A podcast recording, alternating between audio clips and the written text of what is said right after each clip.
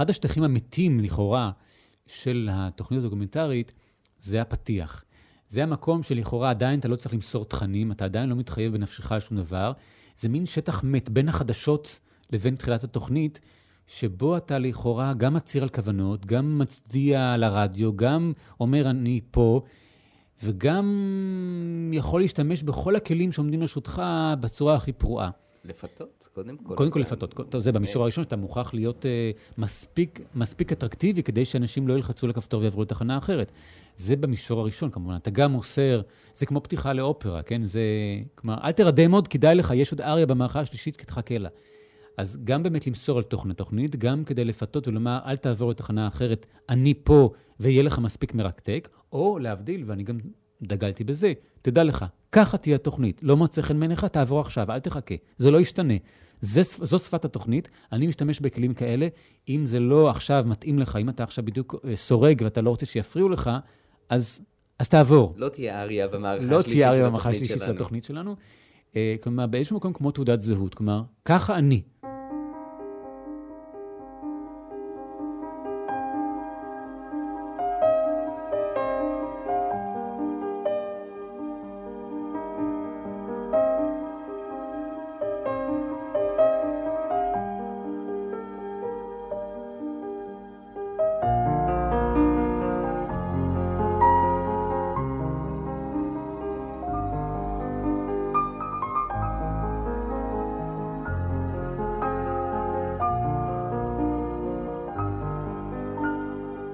ערב טוב.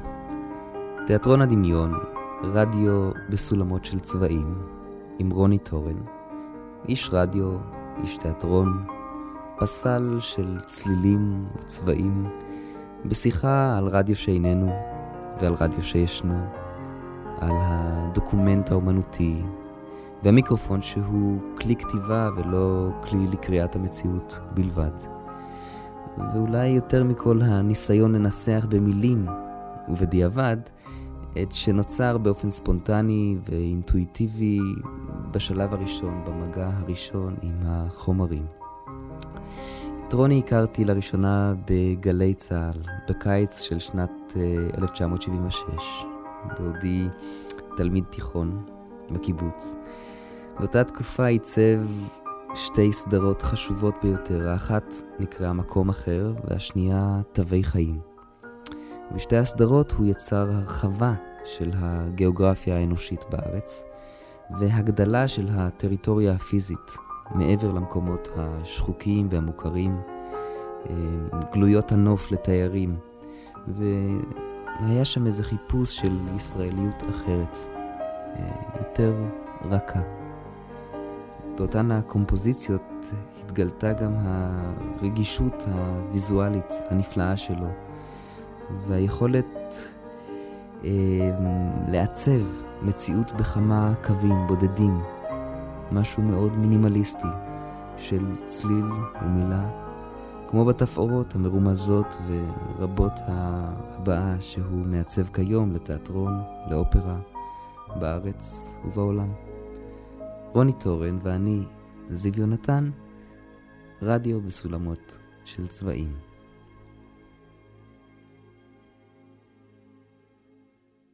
אני חושב שאחד הדברים הקוסמים ביותר למי שעושה רדיו, אה, ברגע שהוא מבין את הדינמיקה הפנימית של הרדיו, וגם למי שמאזין לרדיו מבלי שהוא מבין את הדברים האלה, זה איזשהו קשר סמוי אה, במה שאני יכול לכנות שיטת הפענוח. זאת אומרת שיש סדרת סיגנלים, סימנים, אה, שמשודרים, משודרים במקרה הזה, הוא מאוד ליטרלי באמת, אבל יוצאים, מוקרנים מתוך הקופסה הזאת.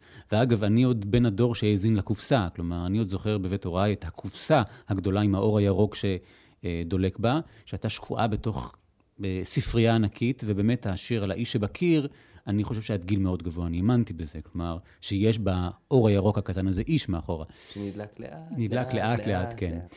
אמ, הסיגנלים הללו, אמ, אה, שמשודרים או מוקרנים מתוך הקופסה, הם לאו דווקא תמיד סיגנלים בעלי משמעות כשלעצמה, אלא הם אוסף של סיגנלים שאני משדר אותם ואני קולט אותם, אני המאזין קולט אותם, ואני מתוכם מרכיב למעשה תמונה כמעט עצמאית. אה, בהתאם למה שיש במגירות הפרטיות שלי. זה קצת אה, מסובך ל, ל, ל, אולי להסביר... זה תיאטרון ב... אישי שבו החומרים בדיוק, שלך, בדיוק, אתה מקבל הוראות לאפיית עוגה, ואתה אופה אותם מתוך בדיוק. ה... אני חושב הרצפט ש... החיצוני אופה את העוגה. היום בפרספקטיבה לאחור, היות והיום אני איש תיאטרון אה, שעוסק בבריאת עולמות, או ניסוח עולמות גדולים מאוד בתוך מיקרו אה, קטן, בתוך... אה, אה, בתוך במת תיאטרון, אני חושב שאלה היו התרגילים הראשונים שלי בתמצות ובניסוח אה, הקודים הללו שבין במה לבין קהל.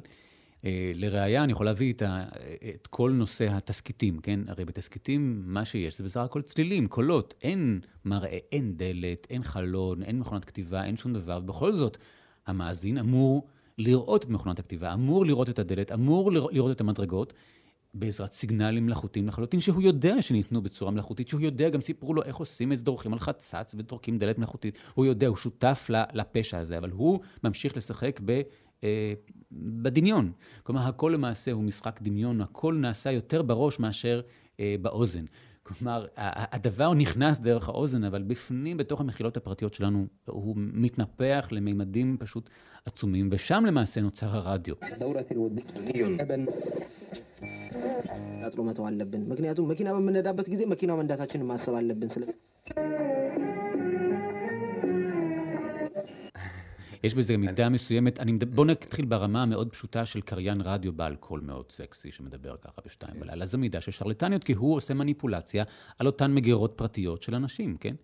אני חושב שלא רק קול, אני חושב, גם בתוכניות דוקומנטריות, אה, לא רק מילה אה, או אינפורמציה היא אה, טריגר, אה, מזמינה פתיחה של מגירות, אלא אני חושב שאינטונציה מסוימת, סוג של הברה, סוג של מילה, סוג של צליל, כל הדברים הללו הם, אתה אף פעם לא יכול לדעת מה יסעיר את דמיונו של המאזין.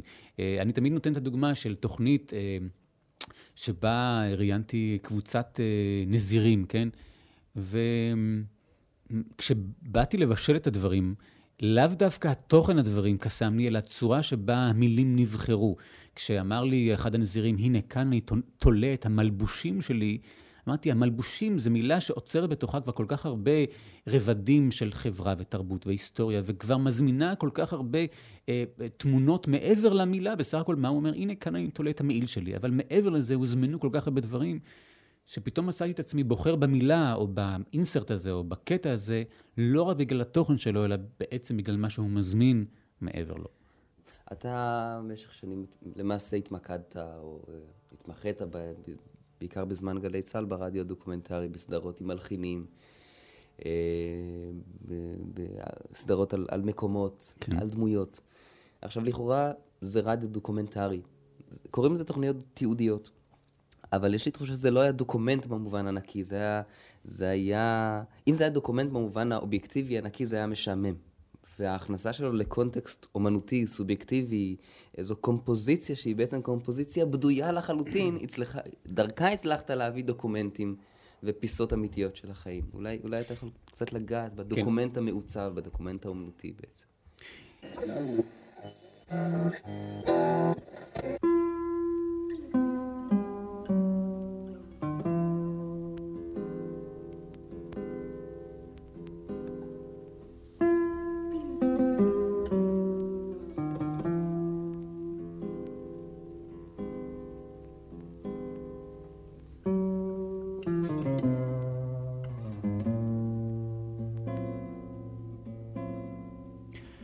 אחר הצהריים של יום קיץ מיובש.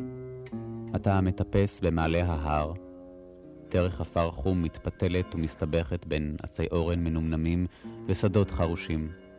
סופר טוב היה מקדיש שלושה או ארבעה עמודים לתיאור הנוף הזה שמונח כאן מסביב. אבל אפילו אם הוא היה עושה את זה בכישרון רב, היינו אומרים שזה משעמם. איך אפשר לתאר את הריח החריף הזה של העשבים, של הקוצים ושל האבנים? אתה ממשיך לעלות, ומאחורי הסיבוב הבא אתה מגלה את המנזר.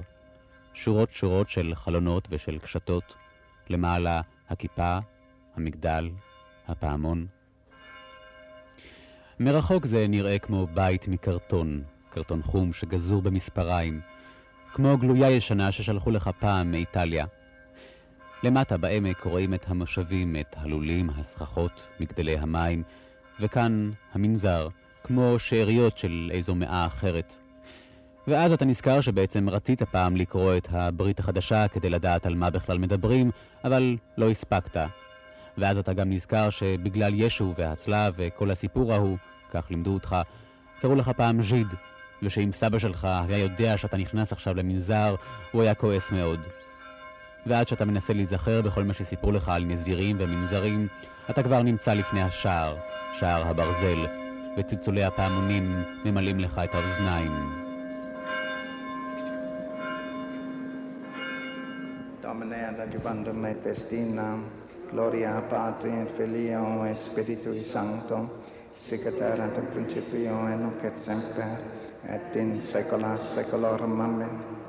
Alleluia.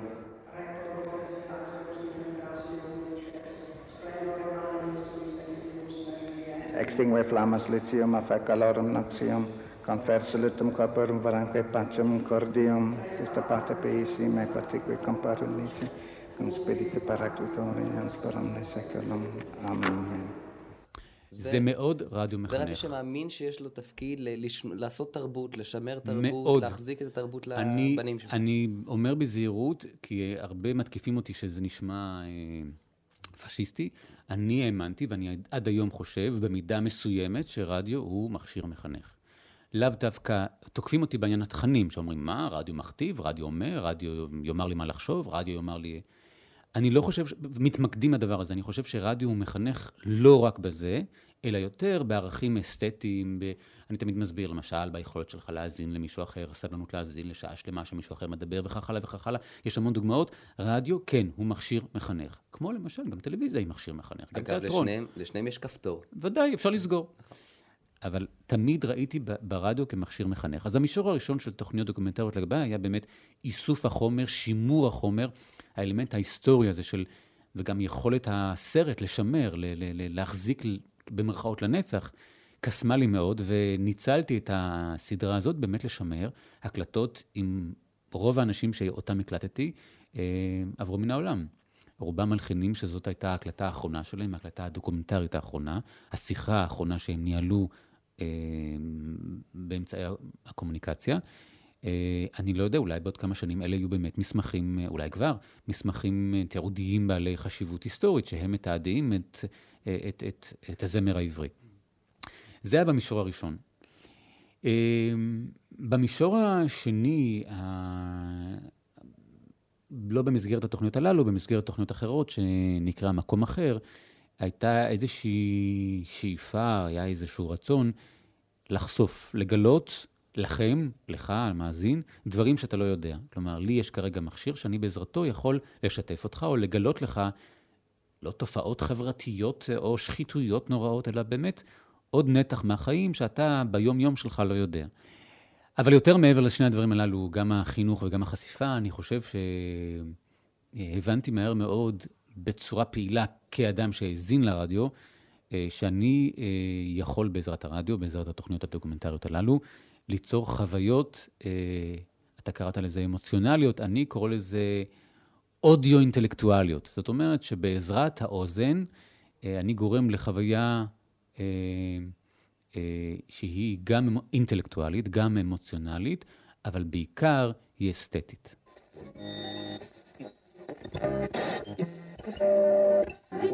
בצורה מאוד מגוחכת, אנחנו מתקשים עכשיו להגדיר את זה, אבל באורך פרדוקסלי, אני חושב שכמעט כל האנשים, כמו אותו בורז'ואה ז'נטיום, גם הוא באצילים, שלא ידע שהוא מדבר פרוזה, אה, אנחנו לא יודעים שאנחנו מכירים את השפה הזאת ואנחנו יודעים לפענח אותה. כל אחד בדרכיו שלו. אתה מדבר, אנחנו קהל נהדר, כפי שאתה אומר, אנחנו מהר מאוד מזהים ו- ומתחברים אל הצורות האלה, לצורות הרדיופוניות האלה, לתכנים הרדיופוניים האלה, יחד עם זאת, הם לא מתקיימים כיום. תראה, אני חושב שה... אותן אותיות שעליהן דיברנו, א', ב', ג' של הרדיו, ה gap, ה fade in, ה fade out, הדברים הללו קיימים עדיין, ומשתמשים בהם. משתמשים בהם בכל אותם ג'ינגלים, בכל אותם אה, מצעדי פזמונים, משתמשים, בשפה מדי משתמשים. משתמשים בה בצורה אחרת. משתמשים בה בצורה שהמאזין הוא לא אקטיבי, הוא פסיבי. זאת אומרת, אני מאזין לסיגנלים, אבל אני כבר לא צריך לפענח אותם, אני לא צריך לקרוא אותם, הם עוברים ליד האוזן, הם יוצרים אפקט. ההבדל הוא שהתוכניות הדוקומנטריות יוצרות או גורמות לך כמאזין להיות אקטיבי. הרבה יותר מאשר טלוויזיה, והרבה יותר לפעמים אפילו מאשר ספר. זה דומה מאוד לקריאה בספר. אתה קורא מילים, אתה קורא משפטים, ואתה מרכיב לך את השביל, את ההר, את הבית, את השולחן, אתה ממשיך ויוצר לך את הדברים הללו. עכשיו, ברגע שהדברים הללו יוצרים בך, במאזין, את האקטיביות, אתה נדלק, יש, אתה מעורב בדרמה כבר, יש התרחשות. אני חושב שאותם צעירים ששומעים היום תוכניות, לא במסגרות של רדיו, אלא במסגרות של אה, לימודים למשל, אה, ופתאום מרגישים, הם מבינים שהם אה, מופעלים בצורה פשוט אקטיבית, הם חייבים לפענח, לפרק ולחבר את אותם סיגנלים, לזהות אותם, לפענח אותם, לפרק ולחבר מחדש, הם פתאום נדלקים משום שפתאום אותם כלים, אותו א' ב' דורש מהם עשייה, ומכניס בהם אתגר מסוים, ולא משאיר אותם בחוץ. כי הרדיו של היום, זה לא שלא עושים תוכניות דוקומנטריות, לא משתמשים בכלים של הרדיו באותו אופן שהתוכניות הדוקומנטריות השתמשו בהן. אני, לא, לא דבר, אולי האמצעים המשוכללים וההשקעה הרבה שמושקעת כיום בג'ינגלים, הושקעה פעם בתוכנית דוקומנטרית שכיום היא במקרה הטוב שיחה בשידור חי, או אולי שיחה מוקלטת עם טיפה עריכה. כאשר את האמצעים, אמצעי ההפקה ואת כל הטכניקות המשוכללות, באמת שומרים לעולם המסחרי. הרי מה הם הג'ינגלים? הם מכירה. you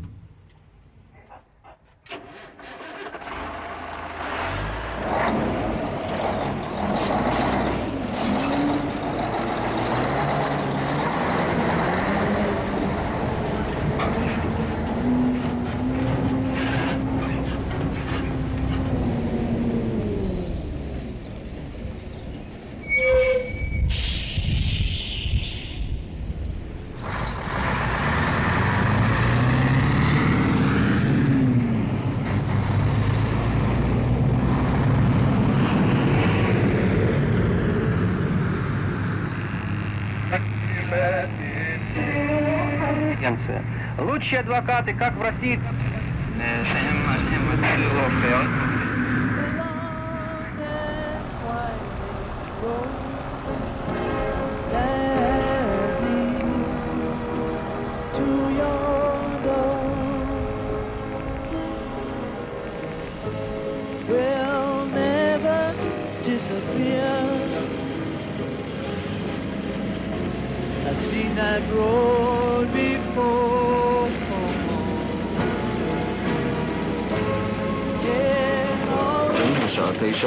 הנה החדשות מפי רון ברטורו. סודאן מגרשת את המומחים הסובייטים המנהלים את צבאה, כך מוסרת...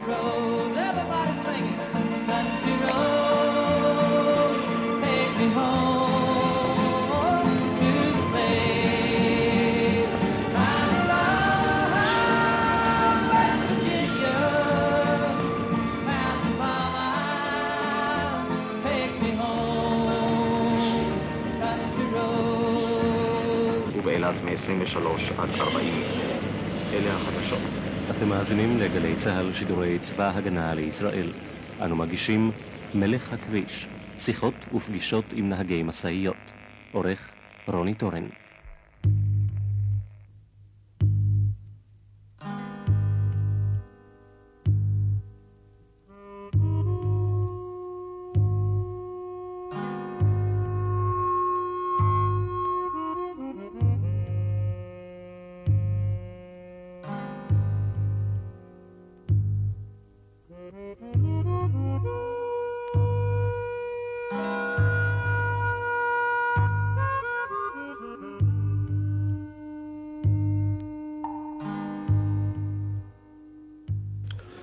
כל נהג, צריך להיוולד נהג. כשלדוגמה נהג מתיישב על משאית, כן? אם הוא לא תופס את העבודה ביומיים הראשונים או ביום הראשון, הוא לא יתפוס, זה לא יעזור שום דבר. אם, אם אדם אין לו את אחוז, זה לא יעזור שום דבר. שיהיה אלף, זה, זה בדיוק כמו אותו, אותו פועל שיעבוד אלף שנה באותו, באותו, באותו מקצוע ולא יגיע להישגים, גמרנו, זה הגבול שהוא מסוגל לזה. לכן לא כל אחד יכול להיות נהג משאית כבדה. נולדים עם זה?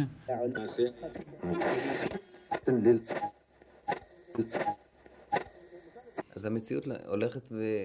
הולכת ומצטמצמת לנו באיזשהו אופן. המציאות בעידן הטלוויזיה, אני חש שאנחנו מכירים תמונות, יש לנו אימאז'ים משותפים, יש לנו מעט שפה משותפת. כלומר, אני זוכר את ילדותי כילדות שבה יש לנו, ואני מדבר על הקבוצה, על האנשים שאיתם הייתי נפגש, שירים משותפים, שירה משותפת, שפה משותפת, שפה במובן המילולי. כן. וכיום אני מרגיש שיש לנו באמת אימאז'ים משותפים. נכון. יש לנו איזה תמונות שראינו. אנחנו איבדנו, אני חושב ש... אני חושב שאיבדנו אה, כלי או איבר מאוד חשוב בגופנו, ואלה האוזניים. אני חושב שאנשים, אה, בואו נתחיל במישור המאוד פשוט של שיחה, אנשים לא כל כך יודעים לשוחח, לא כל כך יודעים להקשיב אחד לשני. אה, אני חושב שיותר מזה וחמור מזה, אנשים איבדו לא רק את האוזניים, גם את הלשון. זאת אומרת, אה, אנשים הם עילגי שפתיים, עילגי לשון. אני נדהם לפעמים לשמוע אנשים צעירים, אה, החל מתלמידי תיכון וכלה בסטודנטים, פשוט שלא מסוגלים לבטא את עצמם, לא מסוגלים לנסח את מחשבתם, או את ניסיונם, או את רצונם, או את מאווייהם, או לא משנה מה, בשפה פשוטה, בהירה, שעוברת מאדם אחד לאדם השני. זה אוסף של הברות קטועות. אנשים אה, אומרים שברי משפטים, שברי מילים. אני כבר לא מדבר על רובד לשוני של אה, עושר שפה, אלא פשוט אה, היכולת פשוט לומר את הדברים מאדם לאדם. אני, אני תמיד חי באיזה חשש שהצמצום של היכולת המילולית הוא גם צמצום של יכולת החשיבה. זה מפחיד אותי ב... אני מאוד חרד לזה, למשל, אני עכשיו מגדל ילד קטן, ואני רואה שרוב הגירויים הם גירויים ויזואליים. עכשיו, אני יודע שזה נורא חשוב לגרות ילד בצורה ויזואלית, אבל אני יודע גם, אני מרגיש גם שהגירוי הוויזואלי בא על חשבון גירוי, אה, הוא יוצר גירוי פסיבי ברוב המקרים, אה, וגם אם... יש שם פעמון שמטריד אותנו, או, ש... או שנקבל אותו. זה סוף הפסקה גדולה? תחילת לא. הפסקה גדולה? לא, אין בכלל לימודי. אולי מאמנים את הפעמון. את הפעמון לשנה הבאה. אולי הוא מצלצל עכשיו על כל השיעורים שבמהלך החופש הוא לא יצלצל, אז הוא עושה סדרה של צלצולים. בוא נחכה רגע שנייה. מנסים את הפעמון, אני לא, חושב. לא, דווקא, בוא נחיה איתו, זאת אומרת, זה... טוב. שאלתי פעם איזה איש זקן, מה עושים עם המין בדואי כזה, דמות מופלאה. מה עושים מה? מה עושים עם החמסין בקיץ? כל כך חם. אז הוא אומר לי בחוכמתו הישישה, לא, הוא אומר, אל תילחם בו. אז בוא נקבל את הפעמון הזה. בוא נקבל את הפעמון הזה בצניעות ובהכנעה. כן, כשאנחנו מדברים על סיגנלים, מישהו עוד יחשוב שזה איזשהו סיגנל שהכנסנו לתוכנית. לא, שום סיגנל. זה, זה רק מאששת את uh, טענתנו שהמציאות רוויית... Uh... השאלה אם אנחנו צריכים לדבוק ב... במילה. אנחנו חייבים... האם אנחנו צריכים... לאן זה הולך כל העניין הזה? זה מתפרק? אתה שואל אם אנחנו חייבים לדבוק במילה, ואני חושב שאין לנו, לנו מילה אחרת. אין לנו אמצעי אחר, אנחנו לא נוכל לתקשר בעזרת תמונות. כלומר, אני אתן לך שתי תמונות ואתה תחזיר לי שלוש תמונות. כלומר, המילה היא אמצעי התקשורת. אה, וגם התמונות הן מעשה סיגנלים של מילים. הדבר שרציתי לגעת בו, אחרי האזנה לדברים שלך ודברים שאתה אומר ותוכניות שלך, הוא שגם הרדיו המוסיקלי, התסכיתי, אה, הדוקומנט האומנותי שלך, אה, שואב באיזשהו מקום, אה, או, או ניצב על איזו פלטפורמה מילולית. יש לי תחושה שיש מאחוריו אדם חושב, אדם שהצליח לנסח במילים את הדבר שהוא יממש אחר כך באופן לא מילולי. הרדיו זה שאתה, שאנחנו בעצם נעים סביבו. הרדיו של נעורינו, למעט כמה גטאות, אה, אולי כמו התוכנית הזאת, לא קיים כבר. אה, יש קצת תסכיתים, קצת... תוכניות דוקומנטריות לא מושקעות כל כך. לא גם את מחלקת התסכיתים בכל ישראל כבר רצו לסגור. אנחנו למעשה, הייתה לנו דרמה רדיופונית. איבדנו אותה לטובת הדרמה הטלוויזיונית, אבל לא קיבלנו דרמה טלוויזיונית, כלומר. דרמה רדיופונית היא חיקוי של קולנוע, חיקוי של תיאטרון, באמצעים של הרדיו. היא לא, לעניות דעתי, היא לא הרדיו האמיתי. היא אחת הדרכים שהרדיו מפצה את עצמו על זה שאין לו במה ואין לו קלעים ואין לו קהל, אז הוא יוצר לעצמו תיאטרון. אבל זה רק אחד האפיקים של הרדיו. אם אנחנו את כל uh, משאבינו עכשיו נקווה שיחדשו את הדרמה הרדיופונית, לא נרוויח מזה שום דבר. אני חושב שהרדיו לא צריך לחזור אל דרמה רדיופונית, הרדיו צריך לחזור אל מימוש הכלים הרדיופוניים שלו, על הפוטנציאל שקיים בו. Uh, כדי ליצור, אני לא אומר דווקא תוכניות דוקומנטריות, יכול להיות שתוכניות דוקומנטריות הן לא מספיק מעניינות היום, או אין קהל שיוכל אה, לשבת ולהאזין 50 דקות לתוכנית דוקומנטרית, אבל בצורה אח, אחרת, אני לא יודע כרגע איזו צורה, אה, הרדיו צריך להחזיר לעצמו לא רק את כוחו, אה, כוח השפעתו מלבד חדשות, אלא את, אה, את הכלים, ה, את האיכויות הספציפיות שיש לרדיו, כדי שמי שרוצה יפתח את הכפתור, כמו שמי שרוצה נכנס למוזיאון, כמו שמי שרוצה פותח ומאזין סימפוניה. כלומר שהרדיו ישמור על האיכויות הרדיופוניות שלו ויהיה רדיו כל הזמן. מי שרוצה יאזין לרדיו, מי שלא רוצה לא יאזין לרדיו, ויאזין למשהו אחר. שלא יהיה תיאטרון ללא במה או טלוויזיה ללא תמונות, אלא יהיה רדיו שמממש את הפוטנציאל העצום שיש. שהוא יהיה רק רדיו, והוא ישדר את העולם דרך הרדיו. כשהטלוויזיה תשדר את הטלוויזיה דרך הטלוויזיה, והתיאטרון ישדר את התיאטרון דרך התיאטרון, והאמנות תשקף את העולם דרך האמנות, הרדיו ישקף את העולם, את תמונת העולם, כפי שהרדיו יכול לשקף, בכלים שלו. לא יותר מזה, ולא במקום משהו אחר. אני חושב שאז אה, אותם אנשים, לא אותם אנשים מסכנים שנשארו אה, מתקופת שנות האבן ונעבך לא יודעים לחוות דברים אחרים, יחזרו ויגידו, או, oh, סוף סוף החזירו לי את הרדיו, אלא אותם אנשים שיהיו מסוגלים אה, או ירצו לחוות את העולם כרגע בחמש דרך הרדיו, יחוו אותו דרך הרדיו, ומי שירצו בחמש לחוות אותו דרך הטלוויזיה, יחוו אותו דרך הטלוויזיה.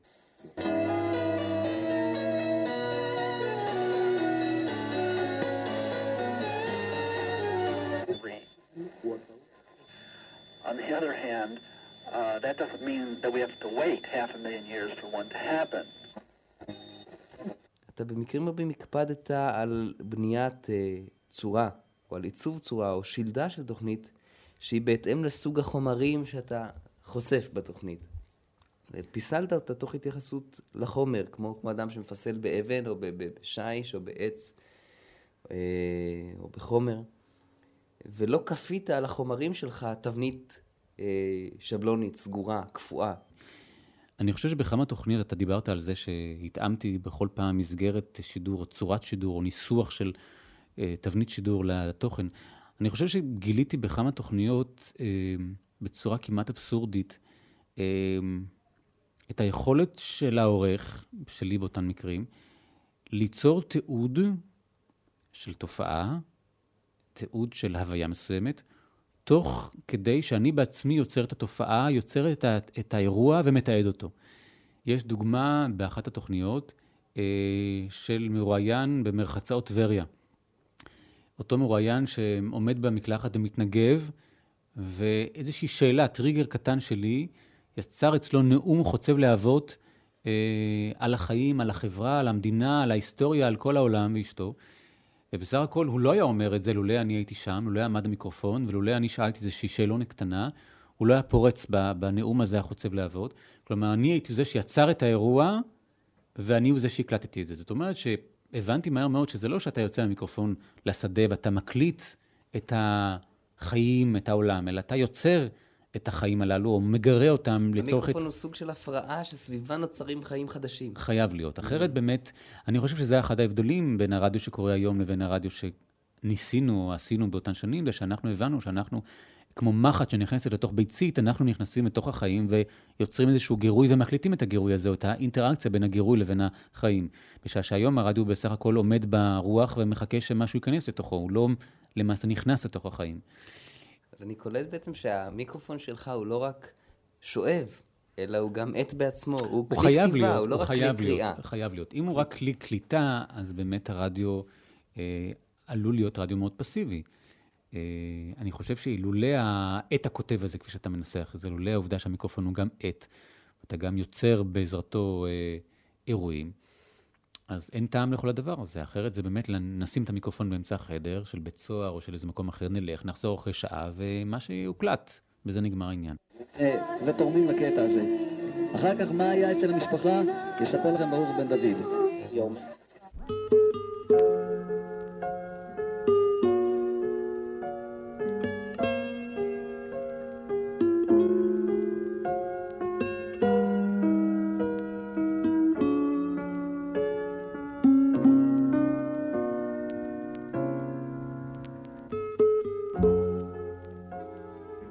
לפעמים באיזה משרד ואמרתי בת שלמה, אז הוא אומר, כן, אני יודע שאת בת שלמה, אבל איפה את גרה?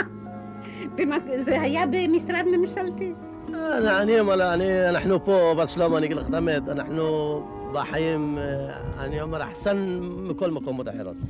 אפילו יותר טוב מירושלים. קודם כל מזג האוויר טוב, אז מזה גם כן המקום הוא טוב.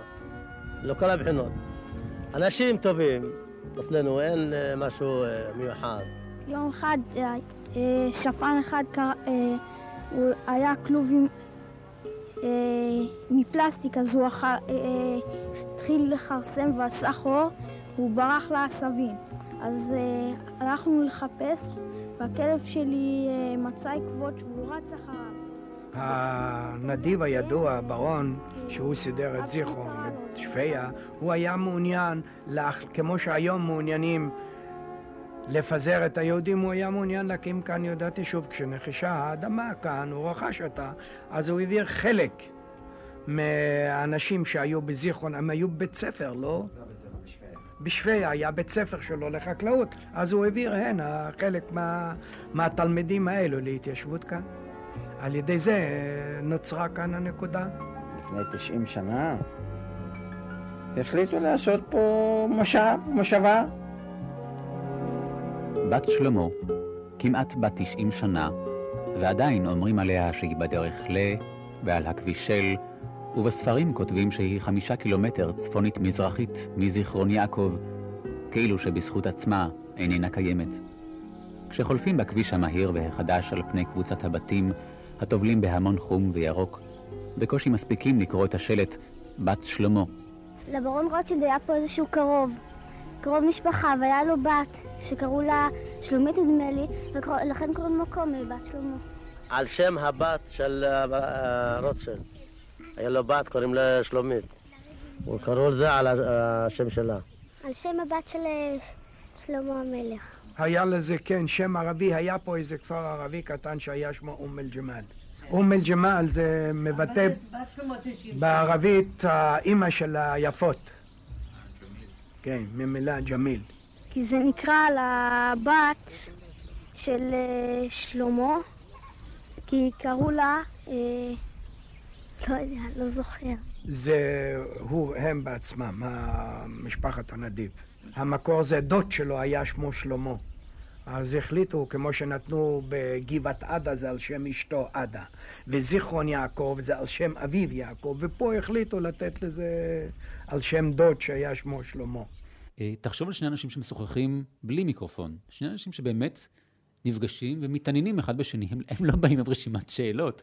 הם לא צריכים להספיק לכסות נושאים. הם גם לא צריכים, הם לא צריכים לערוך את השיחה, כי השיחה קורית מעצמה. אם באמת הם מעוניינים, ברגע שהם לא מעוניינים, הם קמים ואומרים, טוב, אני חייב ללכת, והם קמים והולכים.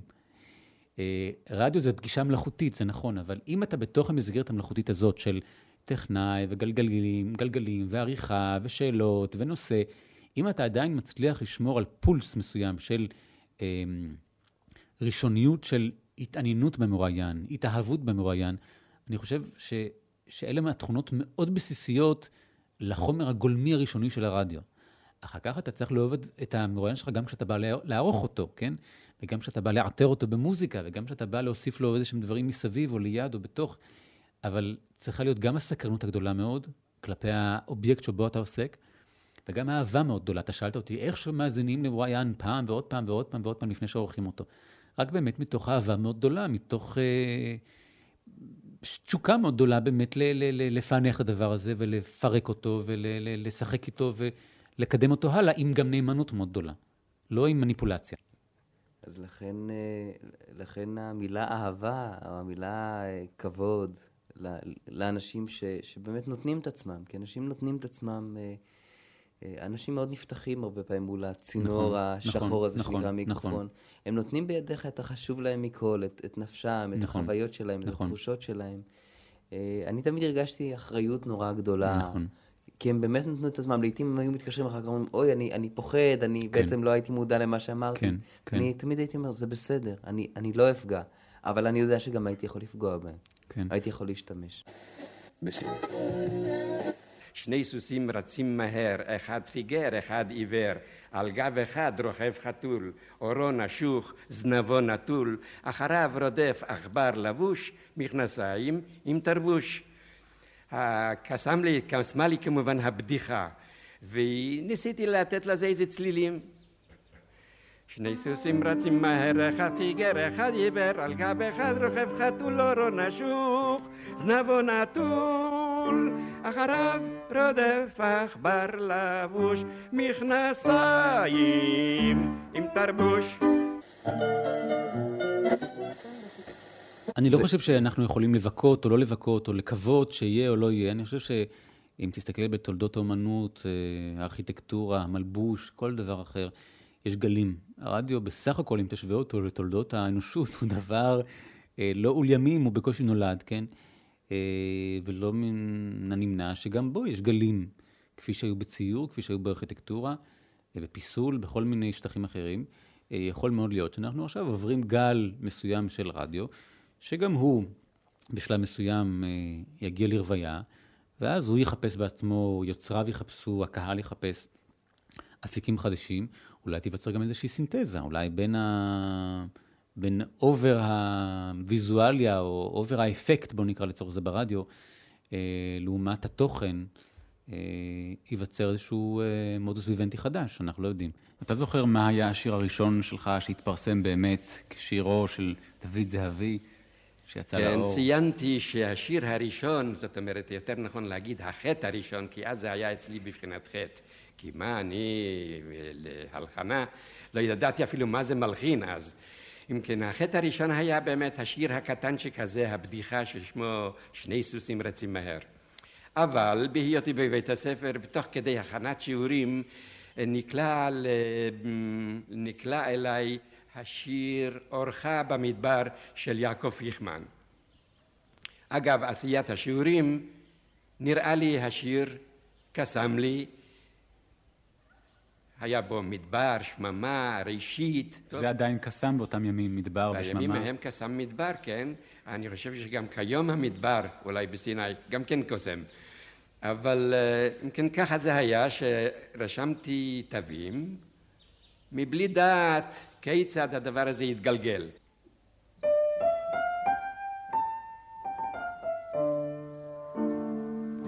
ימין ושמאל, רק יכול והחול, יצב מדבר ללא משכול, אורך עוברה, תומה מנהרה, קדמות חלום כשדיברתי על הרדיו כחוויה אודיו-אינטלקטואלית, כאן הרבה פעמים נוצרו חוויות מאוד חריפות לגביי, לפחות בעשייה שאני עשיתי. אה, פתיחות התוכניות, השקעתי בהן גם מאמץ, גם אנרגיה וגם פשוט, ליטרלי, אה, זמן אולפן, בכמויות אה, שפשוט לא מתקבלות על הדעת. כלומר, אתה יכול לבשל שתי דקות פתיחת תוכנית, שמונה שעות אולפן, שזה באמת אה, בלי שום פרופורציה. אה, היו לי שותפים, במקרה הזה שותף, אה, שאני מאוד שמח תמיד להזכיר אותו, שלמה ורבנר הטכנאי, ורק בעזרת סבלנות שלו והנכונות שלו לעבוד על דברים שלא תמיד הוא ידע איך הם ייראו בסוף, הצלחתי לחוות את אותם קיקים מהפרטים שלי לגבי פתיחות. אותם מין מיני דרמות קטנות, או מין מיני פסלים כאלה, או מין מיני קולאז'ים. אה, שהכילו כמעט את כל הרדיו שבכלל ניתן לעשות בתוך אה, מסגרת מאוד אינפורמטיבית. שלום, זאת התוכנית על XYZ, ובזה נגמר העניין, אין בזה יותר מזה. זה כמו התבוננות אולי בתא אחד, תא אחד ברקמה אחת מתוך הגוף, שמכילה כבר את כל חומרי החיים כן. בעצם. בעצם זה התא הראשוני שמכיל את כל הדברים, ובאמת שמה... תא מוגדל. מוגדל, שבו ניתן לזמן את כל המרכיבים של הרדיו, אם זה גם מוזיקה וגם אפקט וגם בישול מאוד מורכב, וטיימינגים מאוד מסובכים, ובאמת רבדים מאוד uh, רבים של ה... Uh, הפרספציה האודיופונית, כן? איך אתה מסוגל לקלוט את הדברים לפעמים הרבה יותר מרובד אחד, כי אנחנו רגילים לקלוט באוזן היומיומית שלנו אה, טרק אחד. אנחנו לא שמים לב שיש לנו עוד המון טרקים אחרים שאנחנו עושים, מתעלמים מהם. הרדיו למעשה מעלה כמה טרקים בבת אחת למישור אה, ההכרה ואומר, הנה, כל הטרקים הללו כרגע הם טרק אחד. מקום אחר, תמונות בשחור לבן, סיפורו של ואדי רושמיה, אוגוסט 1977, עורך רוני טורן.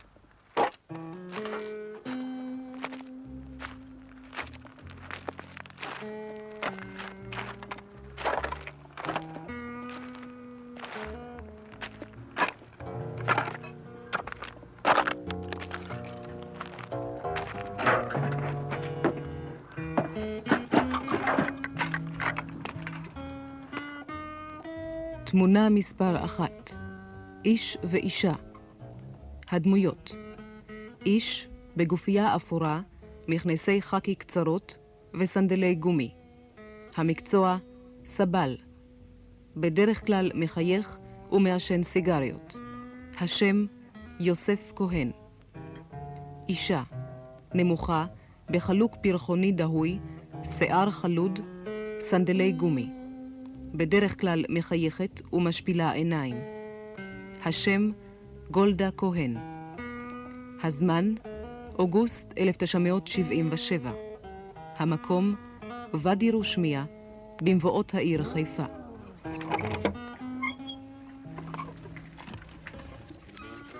זה החצר, החצר, של הווילה, של הווילה.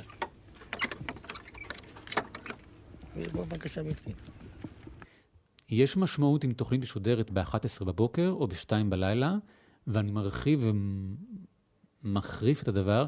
יש הבדל אם זה 11 בבוקר בחורף או 11 בבוקר בקיץ. יש אה, השפעה, סינתזה מאוד מוזרה בין המצב שבו המאזין נמצא לבין המצב שבו התוכנית נמצאת. כי המאזין הוא חלק מהעשייה של התוכנית. המאזין שלך הוא הרבע החסר של התוכנית. הוא לא רק המ... הוא הוא לא מהעשייה, אלא מההתרחשות. לא... התוכנית, ובזה היא דומה מאוד לתיאטרון, לא קיימת עד שהמאזין לא קיים. כלומר, היא קיימת על סרט, היא תמיד קיימת, אבל ח... רק חוויית ההאזנה הופכת אותה לקיימת, כמו שהתפאורה עומדת על הבמה, הבגדים קיימים על הבמה, התאורה קיימת על המחשב, השחקן קיים בבית, אבל עד שכל הדברים האלה לא מתחברים ולא יושב מישהו באולם וצופה בזה, זה כמו וינטלטור עם שטקר בחוץ, כלומר... הוא, זה, הוא זה, יכול זה... להסתובב, אבל אם לא תקעת את התקע, אז... תראה, גם וינטלטור שהוא יסתובב, אם נעמיק בדוגמה שלך, אם הוא יסתובב ואף אחד לא יישב מולו, אז בשביל מה הוא מסתובב? כן, אם הוא לא יוצא רוח כדי לרענן מישהו, אז uh, הוא רק uh, מניע את אוויר העולם, כן? אנחנו יכולים לשדר, תאר לעצמך שאנחנו נשדר תוכנית ונגלה בסוף השעה שהטרק היה סגור. כלומר, קרה, קרתה, קרה, קרה אגב גם אסון כזה בתיאטרון הלאומי שלנו, שההצגה כמעט התחילה, אבל לא היה קהל באולם. שכחו למכור הצגה. שכחו למכור הצגה, והכל היה מוכן. כלומר, השחקנים התלבשו, התאפרו, כולם היו מוכנים, אבל דבר אחד לא היה, הקהל לא הגיע באותו ערב. טעות נדירה שיכולה להיכנס לספרי השיאים, אבל זה אומר שההצגה לא הייתה. לא הייתה באותו ערב הצגה. הכל היה, אבל לא הייתה הצגה, כי לא היה קהל. לכן, בלי המאזין, אה, כל הסרטים הללו שאנחנו שומרים מהם בסרטיות, הם איזשהו מין אה, נרקיסיזם פרטי שלנו, שאנחנו משמרים איזושהי עשייה שהייתה. אה, בלי מישהו שיאזין להם בפועל ברדיו, לא יאזין להם בסרטייה, כל זה לא שווה שום דבר. היסטוריות.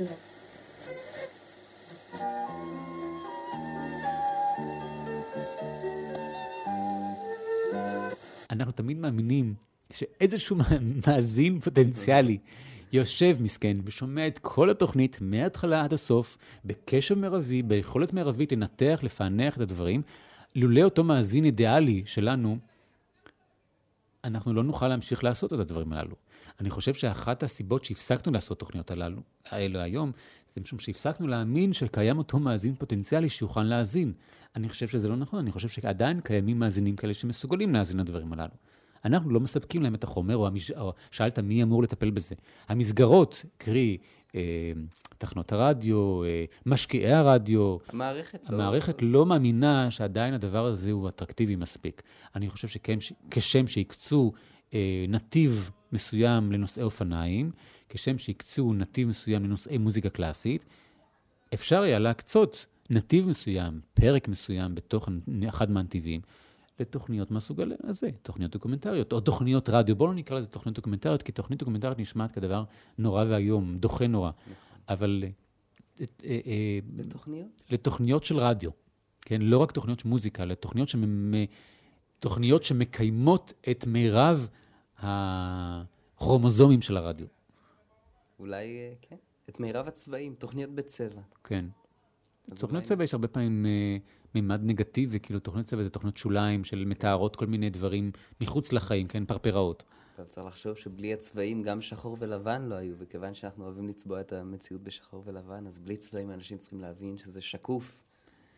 אני חושב שרדיו זה בעצם אולי שקוף. רדיו זה דבר מאוד שקוף. רדיו זה לא, צבע, לא שחור לבן ולא צבעים, זה רדיו. אנחנו עוד פעם, אתה עכשיו שופט רדיו במושגים של ויזואליה, ואנחנו כל הזמן מנסים להימנע מוויזואליה ולומר רדיו בזכות עצמו. והרדיו באמת רדיו, הוא לא שחור לבן והוא לא צבע. אנחנו, כדי להגדיר את הדבר השקוף הזה, נעזרים במושגים מעולמות אחרים לגמרי, אבל באמת רדיו הוא שקוף. קשה מאוד להסביר בקו או בצבע מה עושה הקול לאוזן. כלומר, אתה יכול להגיד, זה כמו צבע אדום, זה כמו משולש אה, שער זווית, אבל זה קול, זה רק קול, והקול יש לו את האיכויות שלו. אנחנו מנסים קל יותר לראות את הדברים הוויזואליים ולהגיד, זה צבעוני, זה שחור לבן, זה חריף מטעם, או זה אה, מפולפל, או זה אה, וכך הלאה וכך הלאה, אבל רדיו, יש לו את השפה שלו. אז אולי פשוט אה, אפשר לקרוא לפגישה שלנו אה, רדיו. רדיו, נכון.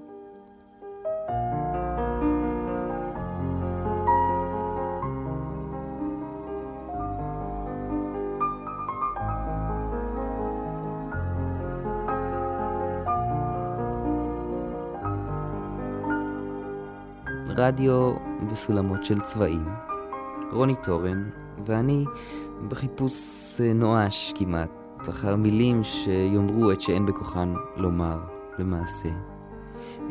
להפגיש עולמות, אה, לתאר מגע בין חוויות, אה, מה עושה צליל גבוה למצב הרוח. וכמה כוח באמת יש למילים. רוני אמר לי אחרי ההקלטה שלדבר על רדיו כזה כיום, זה כמו לדבר על כתיבה בנוצה אה, עם בני נוער המתקתקים, הדפיסים על מחשב. יכול להיות, יכול להיות. ואני מרגיש שבדיאלוג שבין אדם למכשיר אה, יש יותר מטכנולוגיה ויותר מהרגל, אבל מעבר לכל אלו יש מימדים אחרים. לא בחומר, לא בצורה. אה, מקום שקודם, לפי תחושתי, לחומרים ולצורות. אני זיו יונתן, ואני אהיה פה בשבוע הבא, באותו המקום, באותה השעה. שלום, להתראות, בתיאטרון הדמיון.